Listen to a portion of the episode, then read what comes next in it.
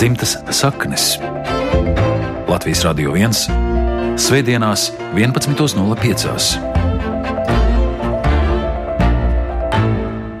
Mūsu senči, galvenokārt senči līdz 12. gadsimtam, kas vēl nebija paverdzināti, bet kaujās jau rūtīti, ar 50% no savas cietās dabas, sava rakstura īpašībām, iedzimtības un pārmantotības ceļā, ir nodevuši mūsu tautas nākamām paudzēm.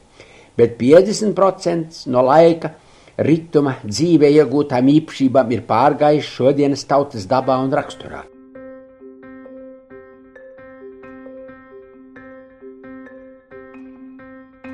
Šo ierakstu 20. gadsimta 70. gados pats magnetofona lentā veica dakteris Jēkabs Nīmanis. Mūsu dižozols, kā vēlāk viņa nosauks tagadējie Nīmaņu dzimtas pārstāvji.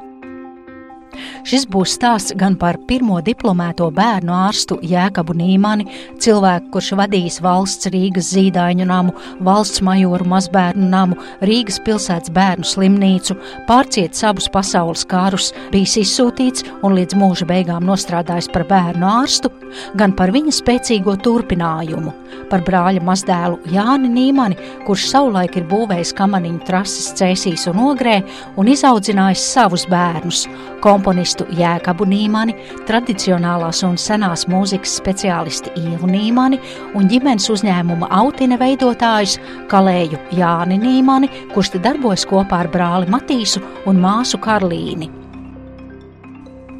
Jānis Seniors mani vedina uz Nīmaņu māju pagalmu, vietu priekuļu pagastā, kuru savulaik kā savu rentes zemi personīgā īpašumā izpirka doktora Nīmaņa vectēvs. Tur, kur tāds eglis aug, tur bija mājas. Uzdrupām viņas aug. 45. gada jaunajā gadā nodedzināja, tad visādi bija sanākuši bēgļi un pārkurinājuši krāsni un vienkārši nav dzēsuši, lai deg buržuja manta. Un tā aizgāja. Nu, Onkls ļoti pārdzīvoja. Viņš tur noņēma, tur bija gadu skaitlis, tur, kur kūts bija būvēta, kūts garāža. Tā bija, kur mēs tagad dzīvojam. Tur bija 33. gada misiņa cipari. Tos viņš savāca un glabāja, un tagad pie mums viņi stāv. Nu tā. Tad, kad māju nodedzināja, vai te bija kāds no nīmaņiem, vai visi Nē, bija bēgļu gaitās? Mēs bijām Vācijā, mani vecāki un māsas. Kad eglis tika uzstādīts uz mājas? Eglis izauga no 90. kaut kāda 4. gada viņas ir izauguši te. Jo tad mēs atnācām, tad vispār bija drausmīgi džungļi. Un tur auga bērzi un apses un Un mēs tur visu notīrījām, tad, bet viņas no, ot, no 94. gada ir tāds izaugušas. Nu, tā ir tagad Jānis ierīkojas pirtiņi. Ir. Tā apakšā ir pagrabs no tās puses, un viņa ir, bija augļu žāvēta. Tur bija krāsnes iekšā, podeņa krāsnes ar, ar lielu lūku, kur bija plaukti iekšā, kur žāvēja sagriezts notīrīts ābolus priekš bērnu slimnīcas vajadzībām. Jo doktoram Kulim pašam bija Daugaugrības ielā seši privāta klinika, un viņš apgādāja ar sulām un žāvētiem augļiem no šīs saimniecības. Te bija ābeļdārs. Tur pāri ceļam, tur tālumā, kur lapegos, vai ne? Tur viss cauri bija, ja nemaldos, 355, man teica, ābeles ir bijušas. Tur ir viena liepa, septiņu žuburīga, kur iestādīta manai māsai vecākai Ilzei. Kad tad māsa piedzima, kad to lietu iesprūda? Šeit otrā gadā. Redziet, tu tā daudz žubarēnu pa vidu. No, nu, tā ir viņas liepa. No nu, šito ēku klēti būvējis ir Valdemārs, viens no Jākaba brāļiem. Tur vēl ir gadu skaitlis iegrāmatots augšā. 1907. 7. O vai Vē, Valdemārs, dubultā V tas ir. Valdemārs Nīmanis? Jā, jā Valdemārs. Nu, šitā durvis ir no viņa. Nu, te tagad saimnieko mani puikas. Kur Jānis? Jānis tikko kaut kur bija. Oh, tikko. Čau! Oh. Čau! Sveiks! tas mans. Labdien! Jaunākais. Šobrīd jau Šo... tā ir kalve. Kalve tā ir. Tā, tā kā jā, mm. pārtaisīt jau no klēts par kalvi. Kalvē saimnieko Jāņa seniori trīs no bērniem, ģimenes uzņēmuma Autine dibinātāji - Kalējs Jānis, sagādnieks un arī Kalējs Matīs un finanšu pārzinātāja Karlīne. Jānis Juniors rāda zobenu, kuram līdzīgu ir izkalis filmas Nameja Gradzens vajadzībām. To pirms nepilniem diviem gadiem svinīgi pasniedz galvenās lomas tēlotājam, zviedru aktierim Edvīnam Endrem. Te ir uh, mums pirmais zobens, ko mēs kalām te, un, un, un tas īsti nesanāca. Tad uztaisījām nākamo. Un tas, tas bija īstais. Šis ir arī no Damaskas tērauda. Uzmanīgi, uzmanīgās. No. Drīkst piedurt. Kino jātaisa acis zobeni. Jā. Tas ir bīstami. Ui, Nu, jā, tiešām. Ārprāts. tiešām Jā, acis. bīstams darbs. Jā. Tā nav butaforija, bet tur jau tā jēga apmēram arī. Nu, ja tad taisa to zobenu, nu, es arī citu negribētu taisīt. Neesmu kaut kādu butaforiju, tiešām negribētu. Mēs esam šobrīd Jāņa valstībā atnākuši, jā? Kalēja Jāņa. Jā. Jā. Kā jums šķiet, no kurienes Jānim tās kalēja prasme un interese? Es nezinu, vai tas tikai kalēja, nu kalēja tas varbūt tās, tas nav virziens, bet uz būvēšanu, uz, uz mehāniku. Viņam ir jau no, no bērna kājas. Es atceros, ka maziņš puika bija, es tur, teiksim, taisu kaut kādu izkapts kātu. Es tiku, viņš saka, tu taisi, lai mīļāks būtu. Nu, jā, tā kā viņam ir tas nu, uz, uz, uz būvēšanu, uz mehāniku un, un, un neatlaidība liela viņam ir un izdoma. Tas, kad akalšana, nu, kāpēc ne? Kāpēc ne akalšana? Vai skrūvēšana, vai virpošana. Nu, kalēt, kalējiem lielākas iespējas mākslinieckāk izpausties, manuprāt. Tādus cirvis taisa viņi pa visu pasauli. Interesanti. jā. Nu, romantiskas dabas viņš ir. Arī pa vēsturi, pa savu autīni, tas ir mūsu pilsnovacs. Ne, viņš te no, no šejienes līdz Valmierai kaut kur stiepies ir seno latgaļu pilsnovacs. Nu, es domāju, ir nosaukumu un forši. To mūziku ierakstīt, nevis troksni. Ir Es atvainojos. nekas, nekas. Tu to sauc par mūziku, jā. Nē, es domāju, ikdien, Dīvaina gaume. Man, ikdienā strādājot jau. ne? Nē, tad zinu, ka viss darbojās. Ka šādu Šobrīd mēs jā, strādājam. Kaspars, mūsu nažu meistars, viens no mūsējiem meistariem, un slīpē šobrīd nazi. Un Daudzas stundas ir jāaizvada pie šīs slīpmašīnas.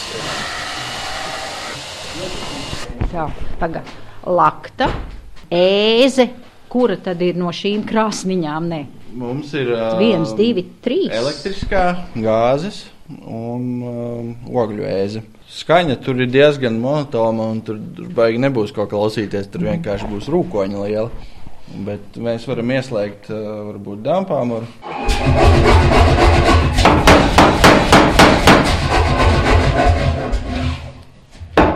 Tad tas nav tā kā tā romantiski apvest, ka kalējs ādas skotelē ar veseri kaļ. Jūs ieslēdzat mūsdienīgu aprīkojumu dampāmurs jūsu vietā. Nu, ne jau jūsu vietā to dara, vai tomēr arī paši kaļat. Mēs uh, nekautrējamies arī teikt, ka mēs izmantojam mazliet modernākus. Var kalt divatā, tad dampāmurs nav vajadzīgs. Bet lielos mēros paliek viss tas pats. Tā apstrāde metāla ir diezgan tāda arī kā agrāk bijusi.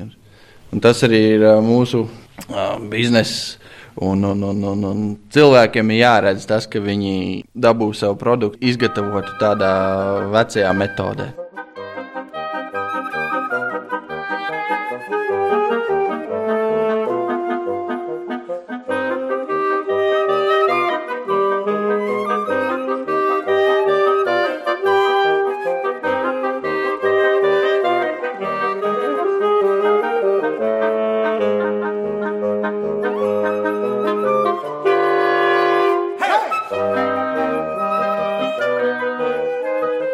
Savukārt šādu mūziku rada Kalēja Jāņa brālis, komponists Jēkabs Nīmanis.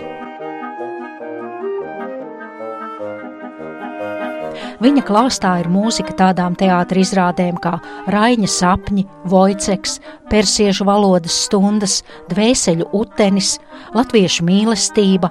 Viņš ir komponējis mūziku animācijas filmu seriālam Lupatiņi, ir kamera operas līsistrate mūzikas autors un par saviem skaņdarbiem ir saņēmis vairākas spēlmaņu nakts balvas un arī citas goda algas.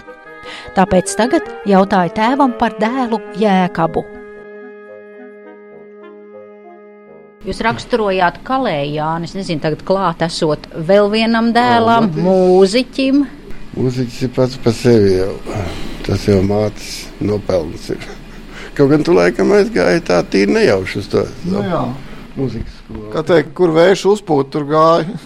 Ļoti veiksmīgi. Māsa arī mana vecākā meita, vecākais bērns.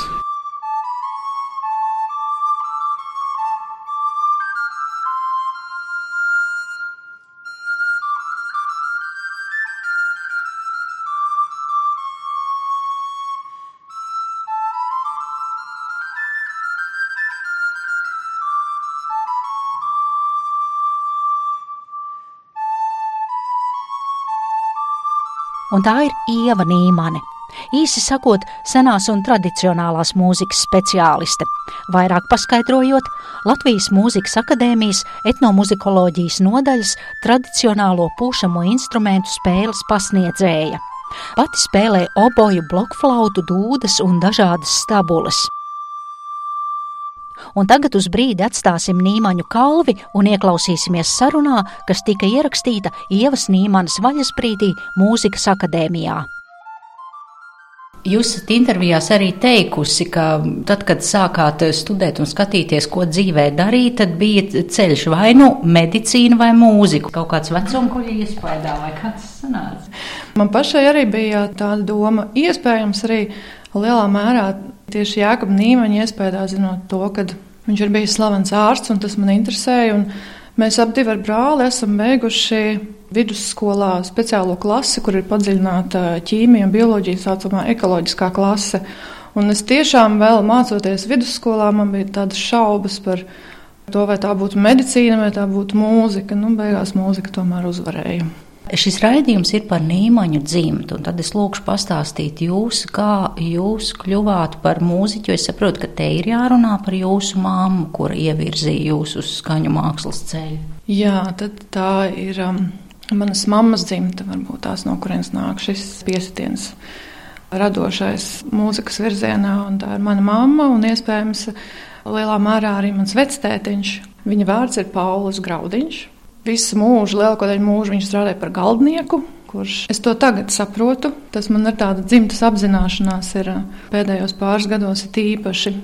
Viņš nāk no veclaicenes, no, no alaugsnes puses, un viņš piedzima lielā ģimenē. Pašmācības ceļā iemācījās spēlēt violi, un viņam bija liels sapnis.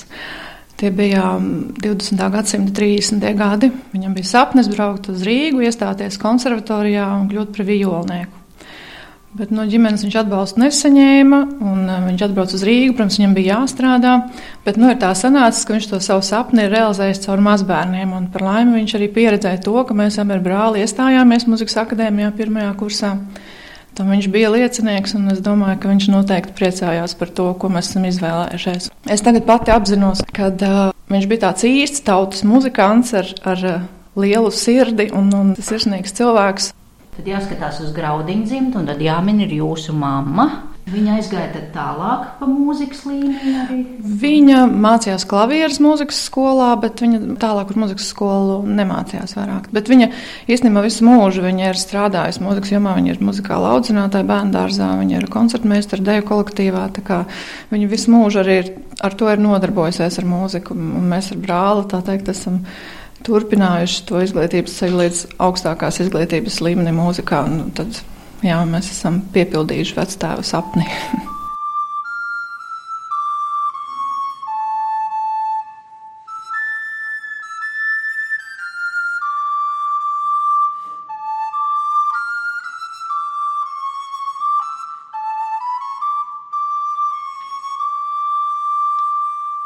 Nezinu, vai tas ir nīmeniskais vai, vai tas nāk no graudiņu puses, bet um, ir brīži, kad es ļoti spēcīgi izjūtu to dzimtas kā, atbalstu. Tas notiek bez vārdiem.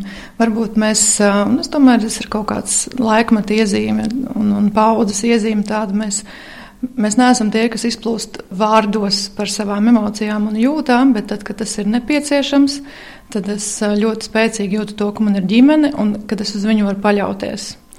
Un aiz ģimenes stāv tas dzimtas spēks. Vai tas ir nīmaņa, vai tas ir graudiņa, vai tas ir abu divu dzimtu kopā, es nezinu. Bet tiešām tā sajūta ir ļoti, ļoti spēcīga un izteikta.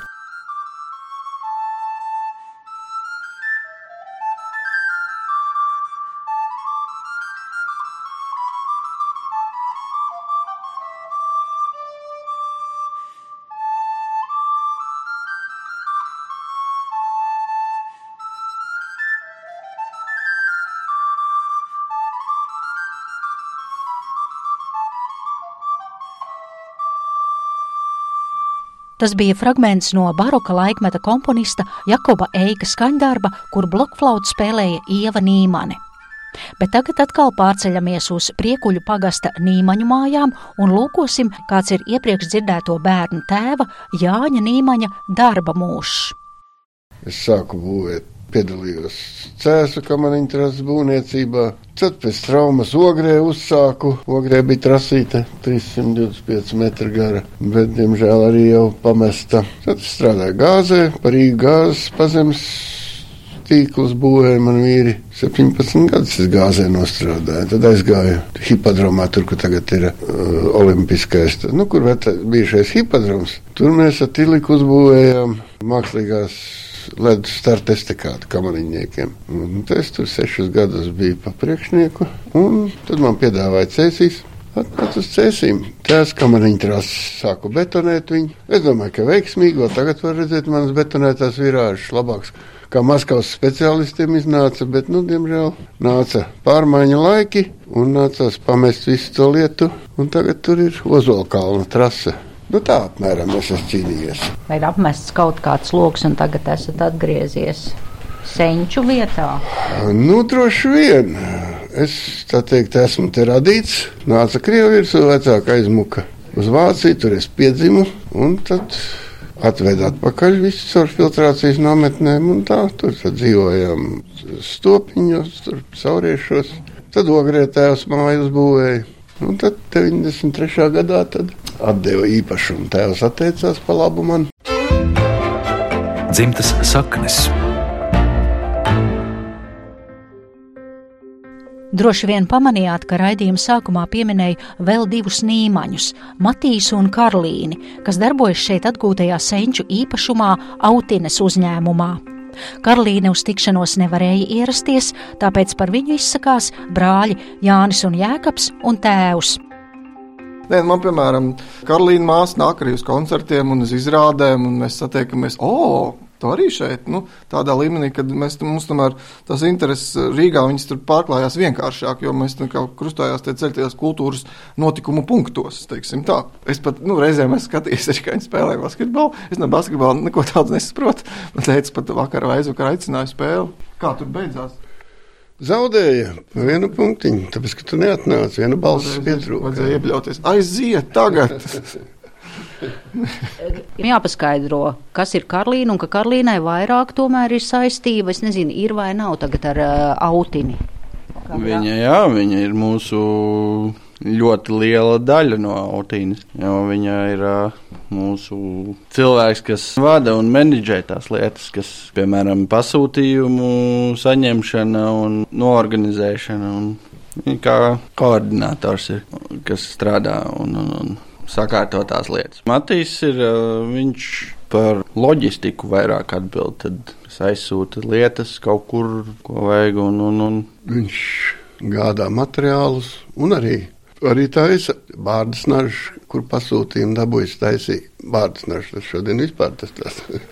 Karolīna spēlēja basketbolu, TTT, pēc traumas pārtrauca, piedzima divi puikas viņai un tagad atkal atsāka. Ir jāpiemina, ka komponistam Jēkabam vārds ir dots par godu slavenajam veconkolim, un par to saruna ar dēlu un tēvu, kad esam aizbraukuši uz priekuļu kapiem, kur kapa plāksne ir uzslieta gan doktorim Nīmanim, gan citiem Nīmaņu dzimtas aizsaulē aizgājušajiem. Bet, tā, manā laikā vārds Jānis bija ļoti nu, teikt, nepopulārs. Es biju Rīgas šajā vidusskolā, man liekas, vienīgais vai arī otrais ar šādu vārdu. Un šobrīd situācija ir kardināli mainījusies. Jēkabs tev vārdu iedeva par godu. Jautājums jā, autoram? Jā, tētim jā, Jānim. Jā, jā. Protams, jā, par godu vecam kulim. Tāds sensis mums dižozols. Nu, lūk, te ir kādi 20, laikam, apglabāti visa dzimta. Nīmaņi. Jā.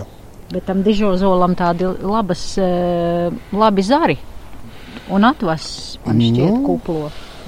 Droši vien, jā. Katrā ziņā. Plusā. jā. sakot. jā. Plusā. Vai nu pašam nebija lemts, bet viņš daudzus citus bērnus. Es šeit tad satiku, nu tagad jau es gan ne, bet satiku, kas, kas izglābti no viņa rokas un prāta.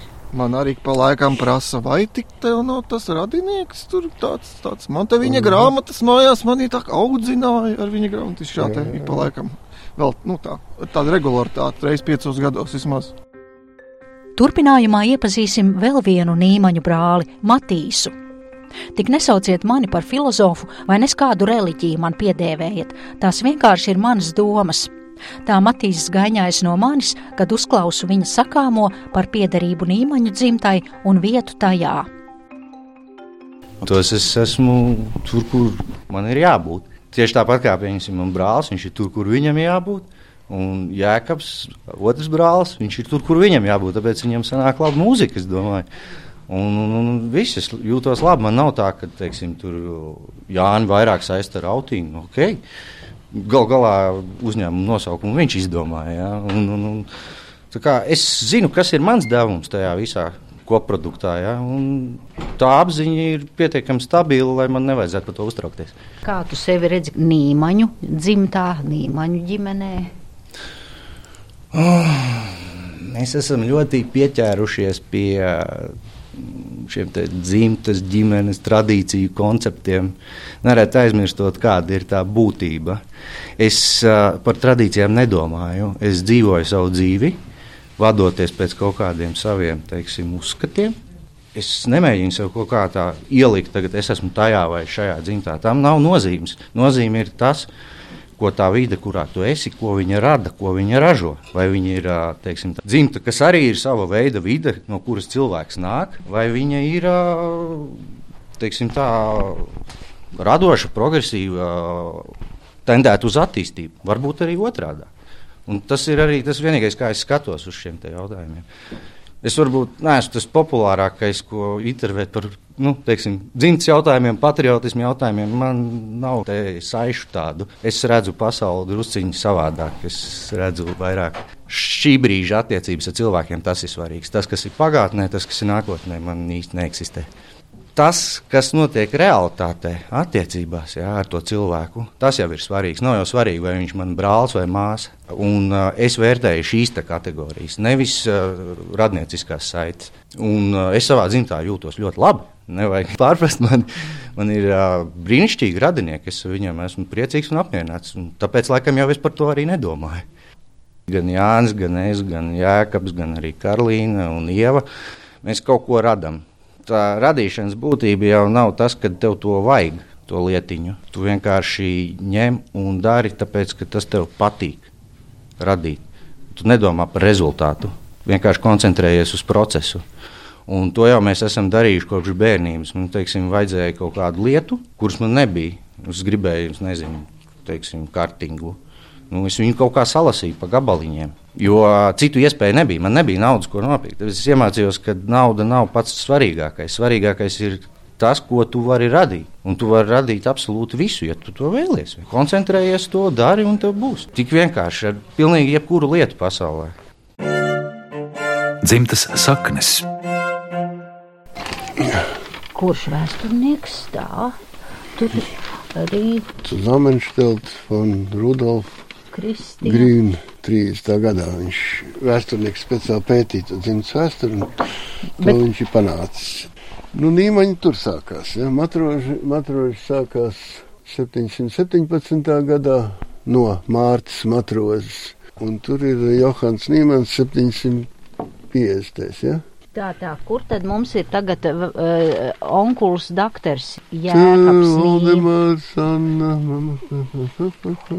Šeit ir. Jēkabs Valfrīds Nīmanis, Jā. dzimis 1892. gada 10. jūlijā. Nu, 22. viņam ir. 20. Bet tas pēc vecā stila. Nu, tālāk mm. mans vectēvs ir Mārtiņš. Mārtiņš bija Brālis. Jēkabam brālis. Jā. Tas ir jūsu vectēvs. Jā, un viss te beidzās. Mm -hmm. Tālāk nāk Aleksandrs, mans tēvs, tālāk es. Jānis. Jā, Un Jānim tad ir Ieva Jēkabs, Matīs, Jānis un Karlīna. jā. un ā, basketbolista Karlīna. Un tālāk tad ir Karlīna jau divi, Jā, Manai māsai vispār ievai arī divi. jā. Ievai divi puikas. Esam nolīkuši pār vaļā attītu nodzeltējuši papīra rulli, kur izdrējātā rokrakstā vācu valodā ir sarakstīti Nīmaņu dzimtas dati. Ir pienācis laiks palūkot tuvāk bērnu ārsta Jēkaba Nīmaņa senču rakstus, kas sākās tad, kad Cēsu pilsētas brīvpilsonis Mārcis Nīmans aprec savu otro sievu Kristīni Matrozi, un šajā 11 bērnu ģimenē piedzimst pastarītis Jēkabs. Dakteris daudz no savām piezīmēm ir atstājis Paula Stradiņa medicīnas vēstures muzeja krājumā, tāpēc kopā ar komponistu Jēkabu Nīmani dodamies pie muzeja speciālistas, vēsturnieces Ritas Grāveres, kas ir apkopojis ziņas par Jēkabu Nīmani un gatavo laišanai klajā grāmatu par viņu. Redz, kur ir tā, tad šitiem ir tie sākumi. Jo 30. gadā viņš pasūtīja tādam ļoti slavenam ģeneologam, Rudolfam Kristiānam Grīnam, savu ģenealoģiju. Tas vispār bija tāds laiks, kad visi mākslinieki, radošie darbinieki pasūtīja savus ģenealoģijas. Bet man izbrīna, kāpēc Grīna. tas ir vācu valodā, ja tas ir 1930. gads. Vācu valodā, tāpēc, ka tie ir, tāpēc, ka tas Grīns. Grīns pats bija pirmkārt vācietis, un otrām kārtām arī tie materiāli bija daļa vācu valodā. Nu tā, un, jo viņš ļoti interesējās par savām abām dzimtām, par tēvu dzimtu un mātes dzimtu. Un tas ir interesanti ar to, ka Nīmaņa dzimta sākā brīvie cilvēki. Es visu laiku domāju, kāpēc doktors bija tāds ļoti drosmīgs priekš 30. gadu ārstu paudzes un vispār inteliģenta paudzes. Viņš bija neticami drosmīgs. Jo jūsu radio ir tas raidījums par tiem sistēmas bērniem, un es viņu klausos un priecājos, jo 32. gadā Nīman atlaida no zīdaiņām par to, ka viņš bija atlaidis vairākas kopējas, kas bija slikti izturējušās pret bērniem.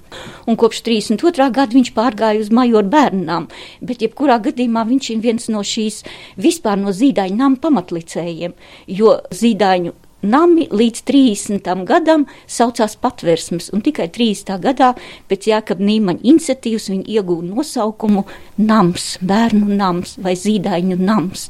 Nu, tas tāds viens aspekts uz priekšu skrienot, bet eh, par dzimtu runājot, vispirms tātad viņi bija brīvcilvēki, viņa tēvs. Tālāk vēl viena interesanta lieta, kas ir ar Nīmaņiem kopā saistām. Vectēvs un tēvs doktora, jo doktors pats ir dzimis tātad 1892. tātad atskaitam tur tos gadus atpakaļ, ir abi ļoti slaveni būvu uzņēmēji, pie kam saistīti ar ļoti interesantām lietām. Ar vienu no cēsu slavenākajiem būvuzņēmējiem, kas vispār lika pamats vidzemē šādai darbībai latviešu vidū, ar tādu lībieti Mārcis Sārumu. Un viņa māsu noprecēja Nīmaņa tēvs, man liekas. Jo viņš vienmēr uzsvēra man tādas acis, bišķiņa tādas ieslības un pašķības, un jebkurā gadījumā viņš bija sāruma, tā māca sāruma skolnieks, un bija arī, tātad, arī radinieks viņam. Nu, es tagad esmu mazliet pārsteigts, es tagad uz lībiešiem skatīšos mazliet savādāk. Bet tagad par to dzimtu pavisam īsos vārdos, tātad sociāli, etniski, un tagad būvu uzņēmēji, un tiem būvu uzņēmējiem, viņiem, es nezinu, vai viņiem bija absolūtā dzirde, bet muzikālās dotības viņiem bija tiešām visiem. Jo tas vecais spēlēja ērģeles, un man ir viens ārkārtīgi skaists fototēls, priekš jums jākāp Es tieši šobrīd paskatīties. komponēju ērģeļu darbus, starp citu. Priekš dolas ērģelēm restaurētajām. Parādīt. Tā tad, kur tad, aha, redz, kur ir Pēteris. Tas ir doktora pusbrālis. Pēters pie mājas ēģelēm. Un tas ir Pusbrālis? Tas, tas ir pusbrālis, jo Nīmaņa tēvam bija divas laulības. Arī pats doktors Jēkabs Nīmans savā mūžā aprecis divas reizes, bet mīlestības viņam ir bijušas trīs, kuras viņš romantiski devējis dažādu gada laiku vārdos.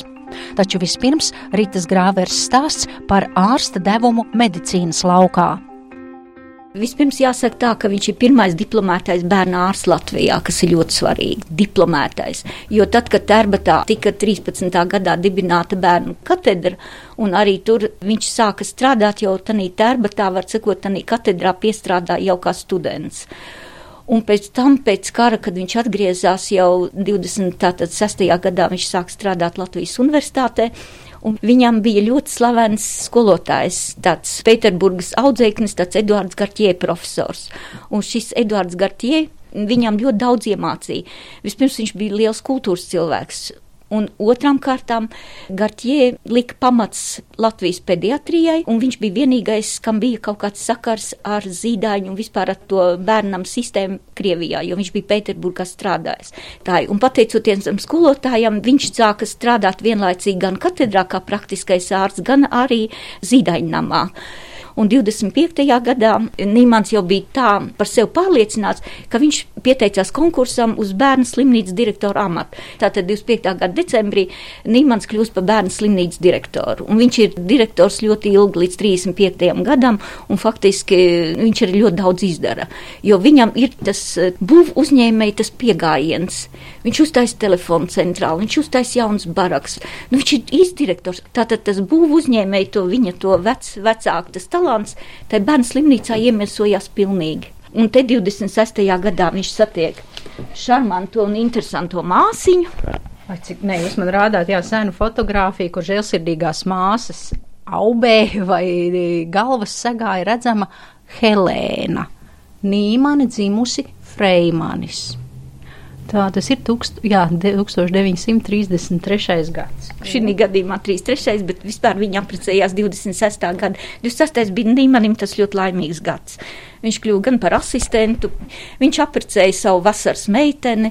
Viņam ļoti interesants atmiņas. Viņš bija Vasaras meiteni, jūs runājat? Viņam bija trīs meitenes viņa mūžā. Viņam bija pavasara meitene. Tā pirmā mīlestība, ko viņš nosauca par pavasara meiteni, kā viņu sauc, tā mēs arī neuzinājām. Krievu aristokrāti, var sakot, viņam bija, un Helēna ir vasaras meitene. Viņa pirmā sieva. Viņa pirmā sieva, jā. Tā ir vasaras meitene, kas viņam ir ļoti daudz palīdzējusi, bet, nu, diemžēl. Atpazīs māsīts, jā, cik es atceros. Jā, Šī ir Aspazīs šī ir māsīca. atpazīs mācīts, jā. Helēna Freimana. Viņa, man liekas, trešajā paudzē viņiem tur bija māsīts. Jā, tā ir viņa pirmā sieva, nu, un pēc kara viņam bija trešā tā saucamā ziemas meitene. Lai neviens neaizmirst, ka sievieti godā tas, kas pats godājams, bet nicina tas, kas pats nicināms. Tā skan viena no doktora Jēkaba Nīmaņa izteiktām atziņām, kuras ir apkopots pirms pāris gadiem iznākušajā grāmatā Jābūtība. Bet Rīta Grāvere turpina ar tiem pierakstiem, kur ārsts ir rakstījis pats par sevi. Viņš tika nozīmēts Kalnu-Mūža sanatorijā pie Cēsim par galveno ārstu, un tur viņš pats saslima ar tīfu. Gadījums ir fantastisks tādā ziņā, ka viņš ir saglabājis slimības vēsturi, kurā pats viņš slimnieks 40 grādos raksta savu slimības vēsturi un nosaka sev diagnozi un ārstēšanas kursu. Cilvēks ar temperatūru pār pa 40, jo viņam blakus neviena nebija, un viņš izķeprojās, viņš izdzīvoja. Nav brīnums, ka viņš kļuva par ārstu. Tiešām nav brīnums. Varbūt sākumā tā bija tāda dziļa nejaušība, jo viņi dzīvoja uz vienas ielas. Nu, un pat cik viņi tajā vienā ielā dzīvoja, tad tā reizē, kad Rainim bija pirmā sirdslēkme, viņš tika arī uzaicināts pie tā Raņa mājās. Un tad tas Nīmans arī tā interesanti raksta, viņš tā godīgi pārgāja tam slieksnim, un viņš tāpat godīgi pārgāja šo slieksni un pamazām iepazinās, un viņš pirmo reizi viņš likvidēja viņam to sirds nespēju, bet pēc tam viņš piesauc arī tos slavenākos ārstus, un tā arī ir interesanta tāda vēsture. Un pēc tam jau Rainis un Aspāzija no viņa vairs neatteicās, kaut gan viņš mēģināja visu laiku atteikties, jo viņš tomēr ir speciālists bērnu slimībās. Iedomājieties, un te jābūt ir īstam nopietnam kardiologam. Es gribu atzīmēt, ka Mārķis savā lugā Aspazīja Viņa iekļāva epizodi arī, kur Jānis Nīmans nāk ārstēt. Bija tas Raina gads, un es arī piedalījos šajā projektā. Un, un Nacionālajā teātrī man bija Raina sapņi. Es arī pievērsos šai tēmai, nu, personīgai saiknē dzimtes, un es izlasīju tās Jākaba Nīmaņa atmiņas. Viņš mūžu nogalē bija uzrakstījis par to, kā viņš Rainis atcies, un tā viņas pazīšanās arī atpazīst, ko viņi ir pārunājuši un domājuši, kā arī tādā nu, lielākā perspektīvā, pārspiedumu, un es arī Mārai iedevu izlasīt, un tāpēc arī viņa to epizodu iekļāva, jo tas bija tāda ļoti, ļoti tāda dzīva laika biedra dokumentācija ar tādu Latvijas dižgaru, tādu, nu, dižgariem abiem. Diagnoze - hipertoniska krīze. Iestājusies viegla hemiparēze, labās puses arī sēs. Slimnieku netraumēsim, tā tad nehospitalizēsim. Atveriet logu, veidiniet telpas. Ne, ne, ne, ne. Logu taisīt vaļā nedrīkst. Rainim bija uzbrukums no naciķiem. Viņu gribēja aizvest kā Mateoti Itālijā. Visus to bija sagatavots lielas trepes.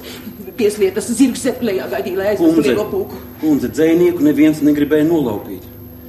Tie saucamie zagļi pieslēja treps pie atvērtā loka, lai Raina un Kliger kundzi iztraucētu jūsmošanā. Kur tad es biju? Kur, kur gulējāt savā istabā miedziņas atzērsies? Jūsu vīrs kautrējas pie manis apjautāties par jaunības līdzekļiem. Bet doktors Līvšīts viņam tos piegādā. Un tie ir kaitīgi viņa veselībai, un tie jau arī noved pie sirds vājuma. Bet jums iesaku atradināties no miega pulveriem, jo arī jums draud hipertoniska krīze. Miega zāles tā jau trimdinieku maizīte. Es atgriezīšos un ieniecēšu zāles. E, doktor, doktor. Nu, redzi, ja doktors Nīmans nedzīvotu tepat blakus, pagalam būtu.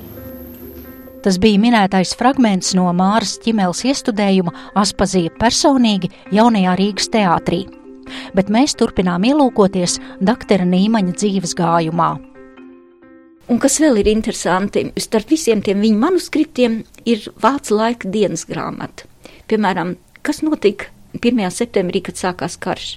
Izrādās lielietus. Un viņš raksta, mēs sēžam ar profesoru Garķē manā mājā Jūrmalā un Dīnes ielā, līst lietus un runājam par to, kas notiks tālāk. Šīs piezīmes beidzas ar to 43. gadu, kad viņu uzaicina atkal uz universitāti, lai viņš vadītu bērnu klīniku. Un viņš raksta, eju pie Aspāzijas. Aspāzijas saka, noteikti, noteikti vajag. Un viņš tagad domā, nē, man to tomēr nevajag. Es esmu tik daudz sasniedzis, vai man vajag pievērsties tagad zinātnē. Un tad viņš atcerās, ka viņš 26. gadā bija iedomājies, ka viņam dzīvē ir liels garīgs uzdevums.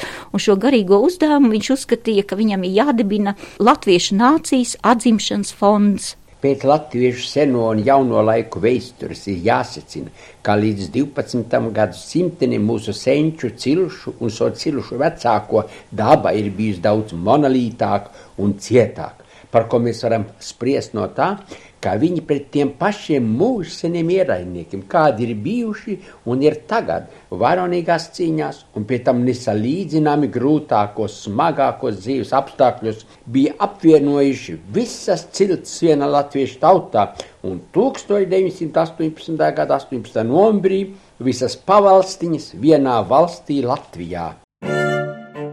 Dzimtas saknes Tātad viņš stāv pie šūpuļa zīdaiņnamam, bērnamam, viņš stāv pie adopcijas, pie tam ģimenēm, pa ko mēs runājam tagad, kas pieņem tos bērnus. Viņš raksta ieteikumus, kā to darīt, viņš ir tanīs komisijās. Tātad viss, kas saistīts ar pediatriju līdz 40. gadam, ir faktiski saistīts ar Jākam Nīmaņu vārdu. Par to viņš arī attiecīgi saņem trīsveikšņu ordeņu par zīdaiņnam. Plus es jūs vēlreiz pārsteigšu, viņš ir pirmā bērnu skaistuma konkursa žūrijas žūrijā konkursu, ko organizē atpūtas izdevēja Benjamiņa. Un viņš no tās žūrijas, no skaistuma konkursa Nīmans uztaisa bērnu veselības konkursu. Ko nozīmē bērnu? Tur veselīgāko bērnu izvēlu vai kā? Jā, un par uzvarētāju kļūst strādnieku meitenīte Mirdze.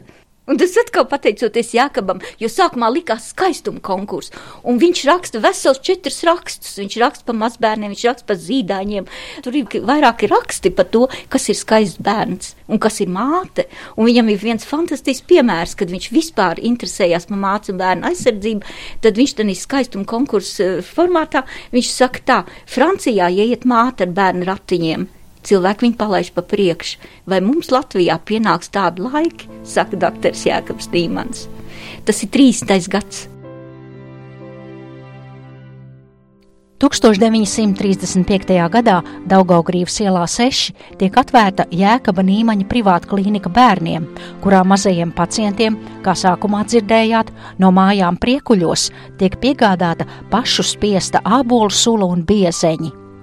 Ienākot padomju karaspēkam Latvijā 1940. gadā, klīnika tiek nacionalizēta. Vēlāk Vācu okupācijas laikā dr. Nīmans kļūst par lektoru Latvijas Universitātes medicīnas fakultātē un aizstāv doktora disertāciju par zīdaiņu kopšanu. 1944. gadā Vācu okupācijas pārvaldes pārstāvis aicina ārstu evakuēties uz Vāciju, tomēr viņš no tā atsakās. Vien nojaušot gaidāmās briesmas, Jēkabs Nīmanis sūta prom uz rietumiem divus savus auģu bērnus, brāli un māsu, kurus viņš 1940. gadā paņēma no majoru bērnu nama. Tagad abi dzīvo Zviedrijā, ir cienījamos gados, bet savu latviešu papiņu nav aizmirsuši. Stāsta Rita Grāvere. Un viņš tai auģu meitai, tai Dagmārai, viņš teica tā, tu vienmēr atceries divas lietas. Vispirms to, ka tev ir brālis un nekad neļaus sevi no brāļa šķirt, un otra lieta, ko tu atceries, ka tu tomēr esi vienmēr latvieta. Un tā Dagmāra stāsta tāds interesants atgadījums. Viņa saka, tad, kad viņu adoptēja tā zviedru ģimene, un otra ģimene turpat blakus to Jānu, viņi nonāca dažādās ģimenēs, bet viņiem ļāva satikties. Tad auģmāte mēģināja viņu audzināt par zviedrieti. Tas ir viņa izmeta kāļas kalbas pasaks no viņas tā grāmata laukta. Mm. Un tā Dagmāra labi atcerēdamās papiņu vēlējumu, ka tu esi latviete, viņa veselu mēnesi to auģmātu nerunāja, negāja uz skolu, viņa viņu boikotēja un panāca to, ka tā auģmāta piekrita, atdeva tās grāmatas, un viņi tiešām mm, tā arī saglabāja to savu latvietību. Un viņa pats saka, ka tas ir pateicoties lūkšai nostājai. Bet kara un tam sekojošie padomju okupācijas gadi nežēlīgi maļ savās dzirnās daktera dzīvi. Kara beigās Vēnspilī, kur viņš uz laiku ir apmeties, Jēkabu Nīmani vispirms arestē gestāpo vīri kā komunistu spiegu. Pēc tam viņš nonāk čekistu rokās. Par to paša ārsta atmiņas, kuras viņš ir dokumentējis pirms nepilniem 50 gadiem magnetofona lentē. Jau otrā dienā, 1905. gada 10. maijā, mani čeka apcietināja pirmo reizi, apvainojot mani par vācu spiegu motivēja to, ka es citādi būtu aizbēdzis vāciem līdz uz Vāciju. Bet ir arī sava laime, nelaime. Es biju kurzemes maisā šajā rajonā vienīgais lorārs, un kad man laimījās izdziedināt no kakla slimības ārkārtīgi aizsmaku un flegmanozās angīnas čekas vadītāju majoru Noikinu, tad pēdējais man atbrīvoja no cietuma un vēl uz manu lūgumu atbrīvoja arī kolēģi Kuršinski, dzējnieku un rakstnieku Andrei Kurcī bet tā bija mana īslaicīga laime. Mans pacients un labvēlis aizbrauca uz tāliem austrumiem, uz Japānas fronti. Ventspīlī ieradās citi čekas vīri, kuri man apcietināja otro reizi. Tie bija majors Amtmanis un vecākais leitnants Vinagrādovs. Atkal pratināšanas, atkal apvainošana, spiegošana, apvainošana, bēgšana it kā uz Viedriju. Un visam piedevām sekoja uzaicinājums palikties par ziņotāju. Vēlāk Rīgā es biju amtmaņa ģimenes ārsts, un viņš man izpalīdzēja, cik viņam tas bija iespējams, sevišķi augstākā tiesā, kad mani tiesāja vēlāk Rīgā. Bet tad sekoja Latvijas augstākās padomas prezidija priekšsēdētāja Kirkšņas telegrāma, ar kuru viņš man izsauca uz Rīgu ieņemt savu vietu universitāti. Ar to tad arī noslēdzās manu cietumu rinda Ventspilī, lai atgriežoties Rīgā, tāda man atsāktos par jaunu. 1951. gadā Čeka atkal arestē Nīmani, un šoreiz no tās nagiem neizdodas izsprukt, tiek piespriesti desmit gadi izsūtījumā. Es atrados Čekas pagraba telpā, 15-16 kvadrātmetru lielā, kurā bijām 50 apcietināto, kurā nebija nekādas ventilācijas, kā tikai centimetri 5x5 liels caurumiņš koridora sienā. Mēs visi slāpām nost. Pēc rindas katrs īsu mirkli pie šī caurumiņa ielpojam koridoru sasmukšo gaisu. Telpā dzīvojam pilnīgi kaili, nosvīduši, pīpmaņi nevarēja aizdzināt dūmu, skarbekļu trūkumu dēļ. Ēstgribas nebija vienīgi mocošs slaps. Gulējām gan uz kailām nārām, gan uz cementu kula, pamestam apakšā kā trūcīgi drēbes gabalu. Gulēt bija jāiet pulksten 22, celties 6. Parasti pulksten 23. sarks izkliedza Nīmanis, bet tad tūliņ pašam vajadzēja turpināt Jēkabs Marča dēls 1898. gadā dzimis, un jau pēc piecām minūtēm vajadzēja būt augšā un apģērbušām lai, kad durvis atdarītos, būtu gatavs sekot uz nopratināšanu, kas vilkās parasti līdz pulksten pieciem. Tā kā atgriezies kamerā, atlikās laiks tikai vienu stundu izstiepties uz lāvas vai grīdas. Dienā nedrīkstiem aizmigties, arī sēdot uz lāviņas, ja neklausījām karceres. Dzimtas saknes. Pēc notiesāšanas ir etaps, un ir lielā nometne, ir bērnu slimnīca. Viņš ir attiecīgi bērnārsts, jo viņš nokļuva nometnē, kurā bija māca 600 bērniem. Un viņam ir vesels atmiņas stāsts par tām sarunām ar tām mātēm, jo viņš tām mātēm dziļi jūt līdzi. Un to pārdomājot, viņš raksta arī par savu pirmo laulību. Viņš atzīst, ka viņš nebija īsti labs vīrs Freimanai. Lai gan Freimana pēc šķiršanās, tā viņa pirmā sieva, eh, raksta iesniegumu čekai, lūdzot samazināt viņam termiņu. Viņa ļoti daudz darīja, lai viņš attiecīgi varētu atgriezties, jo pateicoties lielā mērā viņai, tai pirmajai sievai, viņš no desmit gadiem dabūja piecus gadus. Kad viņš atgriezās jaungad rītā, tai 55. gadā, viņš palika bez nekā, tātad ārsta diplomu diplomu viņam nav, nodarbošanās viņam nav, dzīvokļa viņam nav, naudas viņam nav, viņam nav absolūti nekā. Un tā ir tā viņas sakramentā frāze, ja tev nav nekā, viņš saka, tas nav nekas, jo tu tomēr ir dzīvība un tu to pārējo visu vari saglabāt. Un viņš raksta vēstuli Vilim Lācim, un Vils Lācis viņam mm, sākumā gribēja piešķirt piecistabu dzīvokli, jo viņš bija Viļlāčs bērnārsts, viņš bija Andreja Upīša bērnārsts, nu, viņš bija ļoti daudz bērnārsts. Un tātad, pateicoties lācim, viņš atgūst savu sundīnas mājas otro stāvu. Un otrajā stāvā tātad viņš ieveda to savu ziemas meiteni, jau māsiņu, viņa bija māsiņa, un tātad sākas viņam pēdējais, tā vakarstunda, ko viņš raksta pa sevi. Viņš kļūst galvenokārt par ārstu, kas pieņem privātās lietās, jo viņi sauc vienmēr un visur, visādos gadījumos. Nu, viņš bija tīrs bērnārsts, un tā viņš arī pats saka, novērtēdams savu dzīvi, ka dzīve ir ziedota bērniem, ar bērniem un priekšbērniem. Un viņš ir laimīgs šī sakarībā. Par doktora Nīmaņa darbu var izteikties ar viņa paša pausto atziņu. Kas cilvēkam ir jādara, to noteica sirdsapziņa un pienākuma apziņa, pēc kā arī ir jāvadās. Tik tālu par bērnu ārstu Jēkabu Nīmani stāstīja gan viņš pats, gan vēsturniece Rita Grāvere. Bet tagad vēlreiz iegriezīsimies priekuļos, dzimtas mājās, kur kopā ar tēvu Jāni un diviem viņa bērniem, komponistu Jēkabu un Kalēju Jāni, turpinām lūkot Nīmaņu dzimtas kodu un saites. Jautāja Jānim Junioram, ko viņš domā par brāļa Jēkaba skaņdarbiem. Es tikai nesaku, tāpēc, ka viņš šobrīd stāv man pretī. Bet viņam ir laba galva un tas, tas, ko viņš dara. Es esmu nevis mākslas kritiķis vai kāds, bet uh, es esmu mūzikas patērētājs. Un, un, un, un es visu laiku saņemu no tā. Un, un, un. Es pat esmu pieķēries vairākas reizes, kad man skan visu laiku galvā piparmēta tēze glāzē. Tas ir labi. Jā, tev šlāgerīši. Mēs ar tevi dzerām teju, nedomājāmies par vēju, sildījāmies rokas savas, turot plaukstās krūzes tavas, par metru tejas krūzē Raudzīties var ilgi, ilgi. Varbūt tur kāds kuģis kursē, varbūt tie ir zaļi vilki. Kuzņecova porcelānā piparmetru te, gardā lapas lēni kustas tejā, neparastā mīlzē. Kuzņecova porcelānā piparmetru te, gardā lapas lēni kustas tejā, neparastā mīlzē.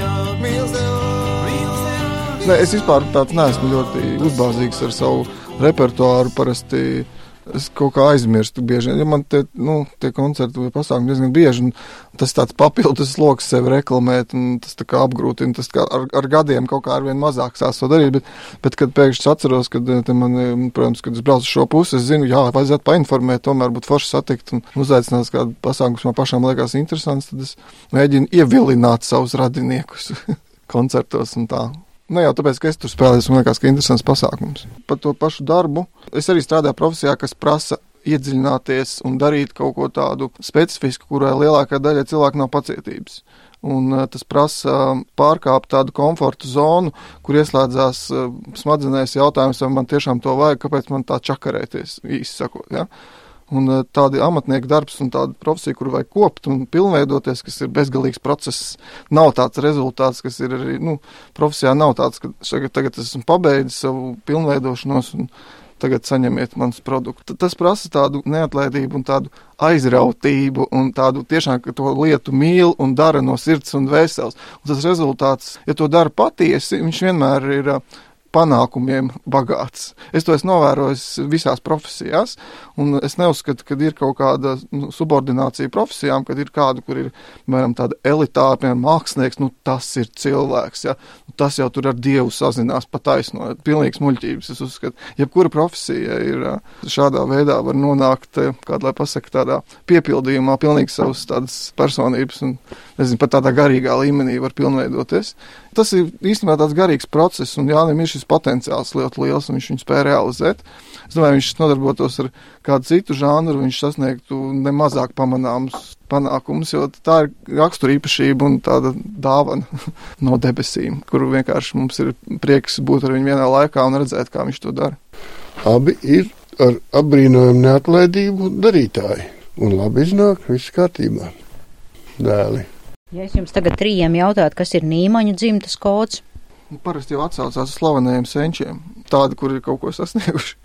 Šajā gadījumā mēs, protams, iedvesmojamies no mūsu, ma manu vecvectēva brāļa, tava vectēva brāļa. Un tā kā mēs kaut kādā ziņā mēs varam iedvesmoties no cilvēkiem, kas rāda tādu pozitīvo piemēru. Un uz to mēs varam kā, cerēt, mēģināt viņiem līdzināties, vai vismaz sekot viņa ideālai. Mums jau ir nenormāli paveicies. Viņš ir atstājis piezīmes, viņam ir dokumentācija, mums ir grāmata izdota ar viņa piezīmēm. Mums ir arhīvs patiesībā. Mēs esam ļoti apdāvināti ar šo kodu. Mēs varam tur iegrimt un pētīt un fantazēt, nezinu, ko tur vēl. Pētim Jānim. Kas? Kas ir kods? Nu, kas, kas veido to identitāti? Jā. Nu? Kas, kas apliecina Kāpēc? to, ka jūs Kāda- esat nīmaņi. Nīmaņa atšķirība no graudiņiem. Kāda Jā, atšķirība? Ko tu no vari pateikt? Mēs vai tā no nedaram. vačiem. Mēs esam šitādi. Nu, Nīmanisms tā. nozīmē to un to un to. Gan graudiņiem, gan uh, nīmiņiem es domāju, ka kods ir ļoti vienkārši. Dari tā, lai ir labi.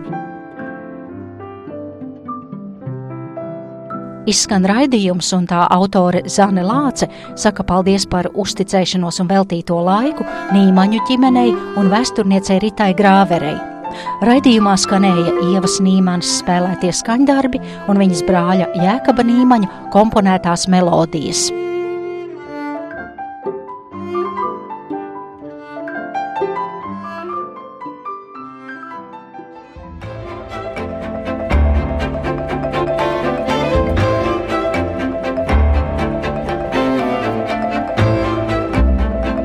Dzimtas saknes Latvijas Radio 1 Svētdienās 11.05.